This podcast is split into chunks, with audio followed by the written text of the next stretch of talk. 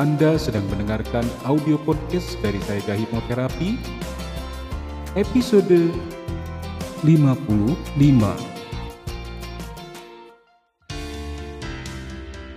Selamat datang di serial audio podcast bersama Sayaga Hipnoterapi. Institusi penyedia layanan hipnoterapi dan konseling profesional di Kota Bandung yang membantu penanganan berbagai masalah kesehatan, emosi, dan perilaku yang mengganggu kualitas hidup. Berpijak pada nasihat luhur, eling, waspada, lan sayaga, serial audio podcast Sayaga Hipnoterapi hadir untuk membantu Anda menata kehidupan yang berkualitas secara fisik, mental, emosional, dan spiritual dengan sikap yang lebih berkesadaran, lebih berwaspada, dan lebih bersiaga.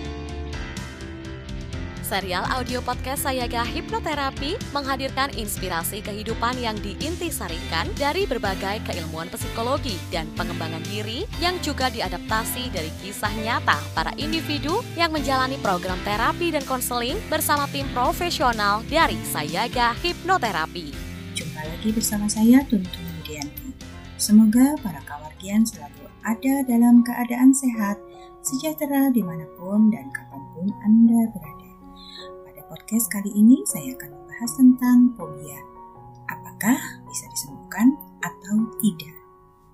Para kawargian saya, ga, beberapa klien yang datang kepada saya, ada yang bertanya, Bu, apakah fobia bisa disembuhkan? Saya bilang, bisa. Tapi ada juga beberapa orang yang mengatakan bahwa, Ih, nggak bisa Bu, fobia itu sangat sulit untuk disembuhkan. Nah, Sebenarnya fobia ini bisa disembuhkan atau tidak ya? Nah, sebelum saya menjawab pertanyaan tadi, saya akan menjelaskan terlebih dahulu apa itu fobia. Para kawargian sayaga, fobia adalah rasa takut yang berlebihan dan tidak wajar terhadap suatu benda, situasi, atau kejadian tertentu yang ditandai dengan keinginan untuk selalu menghindari sesuatu yang ditakuti. Nah, perbedaan fobia dengan rasa takut biasa adalah sesuatu yang ditakuti tadi oleh penderita fobia ini biasanya bukanlah objek yang menakutkan bagi sebagian besar orang normal.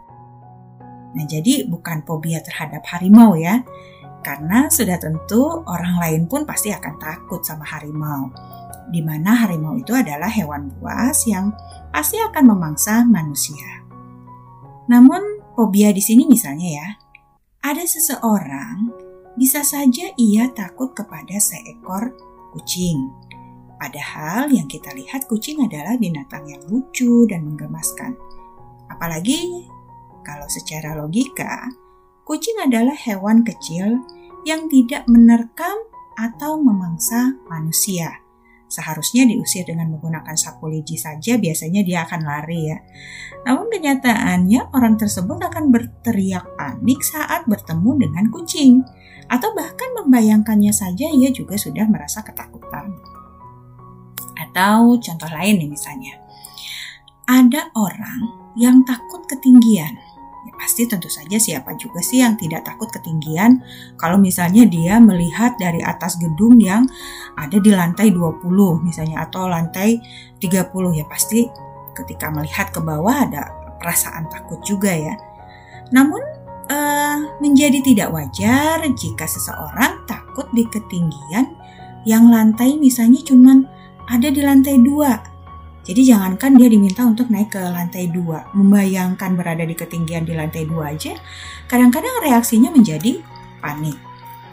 Jadi, penderita fobia secara tidak sengaja atau terpaksa bersinggungan dengan objek yang ditakuti, maka ia akan terjadi reaksi panik, cemas, gemetar, nafas jadi lebih cepat, jantung juga berdebar lebih kencang, keringat dingin, kadang ada reaksi ingin uh, muntah, jadi kerap perasaan mual, kepala jadi pusing, atau mungkin bahkan badan juga terasa lemas sampai tidak bisa bergerak, atau lebih parahnya bisa saja sampai pingsan. Nah, pada beberapa kasus fobia yang lebih parah, gejala kecemasan yang sangat hebat selalu menyertai penderita. Penderita akan terus-menerus merasa takut walaupun di sekitarnya tidak ada objek yang ditakutinya.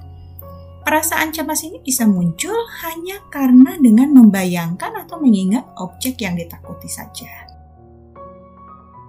Nah, bagi sebagian besar penderita fobia, kebanyakan akan menyembunyikan ketakutannya tersebut atau dia sering kali tidak mau berterus terang kepada orang lain soal rasa takutnya yang mereka pikir pasti ini tidak wajar karena takut ini uh, mereka nanti takut dianggap gila atau sakit jiwa oleh orang lain. Nah sebenarnya fobia bukan gangguan mental yang serius, orang yang menderita fobia tetap bisa beraktivitas normal dengan cara menghindari sumber rasa takutnya. Fobia ini terjadi karena pikiran bawah sadar kita salah memberi arti terhadap peristiwa traumatis yang menyebabkan ia menjadi fobia. Jadi, kawargian semua tidak perlu takut atau merasa malu atau merasa rendah diri apabila para kawargian menderita fobia. Mungkin bisa saja para kawargian tidak tahu apa yang menjadi penyebab terjadinya fobia. Nah, dengan hipnoterapi, para kawargian bisa mengetahui penyebab sekaligus menyembuhkan fobia dengan mudah dan cepat.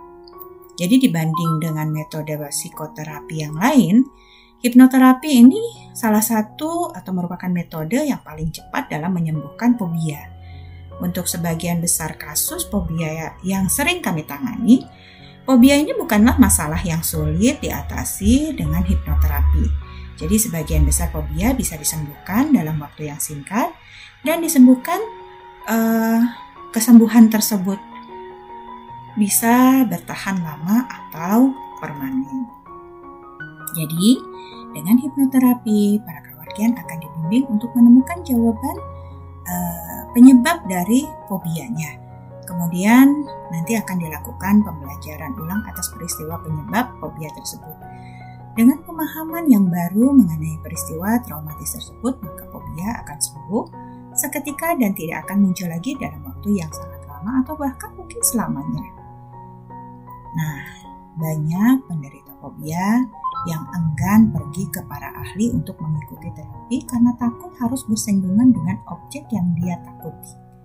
Namun, para kawargian perlu tahu bahwa dalam hipnoterapi, para kawargian tidak akan diminta berhadapan langsung dengan objek yang ditakuti kalau memang masih merasa takut. Para kawargian tidak akan dipaksa untuk melawan rasa takut jadi, jawaban di sini sudah tentu ya bahwa fobia apa pun dapat disembuhkan dan salah satunya adalah dengan menggunakan teknik hipnoterapi. Nah, demikian para kawargian. Penjelasan dari saya semoga bermanfaat. Salam eling waspada, lan sayaga. Dapatkan lebih banyak inspirasi menarik lainnya dengan ikuti Instagram @sayaga.hipnoterapi dan podcast channel Sayaga Hipnoterapi.